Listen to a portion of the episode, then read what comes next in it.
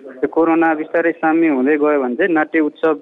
भनेर एउटा ठुलै खालको चाहिँ उत्सव गर्ने अनि त्यसपछि अब यो साउन्ड लाइटको थिएटरमा युज हुन्छ नि जुन हजुर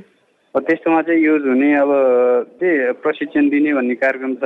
एउटा चाहिँ स्पिच र भोइसकोमा नाटकै सम्बन्धित हजुर त्यसको पनि एउटा चाहिँ वर्कसप छ क्या यस्तै यस्तै यस्तै खालको तिन चारवटा प्रोग्रामहरू छ अब जस्तो नाटक चाहिँ अरूलाई त अब खासै परेन प्रशिक्षणहरू पहिला पनि अब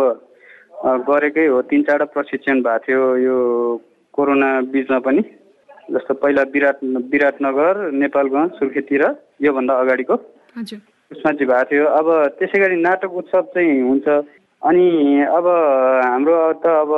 आफ्नै हल त छैन नि त उहुँ, अँ, त्यही भएर अब अब कुनै थिएटरको हल हुन्छ अथवा अ, नाचघरमा त्यो नाट्य उत्सव भनेर चाहिँ आयोजना हुन्छ होइन हजुर अनि त्यो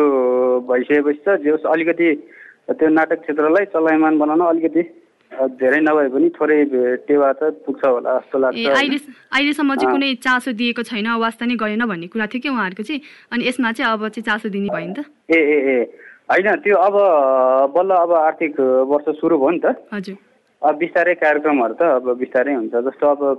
परिस्थिति के हुन्छ होइन अब मान्छे भिडभाड गर्न हुने नहुने भन्ने कुरा त अब समयले उ गर्छ होइन उम्, फेरि कोरोना वात्तै बढ्यो भने फेरि अब कार्यक्रम त्यो त्यस्तो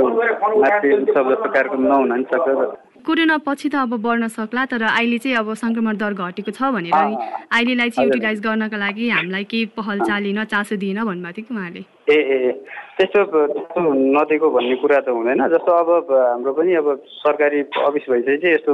अब मन्त्रालयबाट बजेट सजेट आउनुपर्ने हुन्छ होइन हजुर सुरुमा चाहिँ अँ, ढिलाइ हुन्छ क्या यो बजेट आउनलाई सुरु सुरुमा अब भदौ असोज अब बल्ल बजेट आउँछ होला त्यसपछि अनि कार्यक्रमहरू बिस्तारै हुँदै जान्छ म्याम हस् सर हजुरले यति भनिदिनु भयो धेरै धेरै धन्यवाद हस् हस्, हस् हस्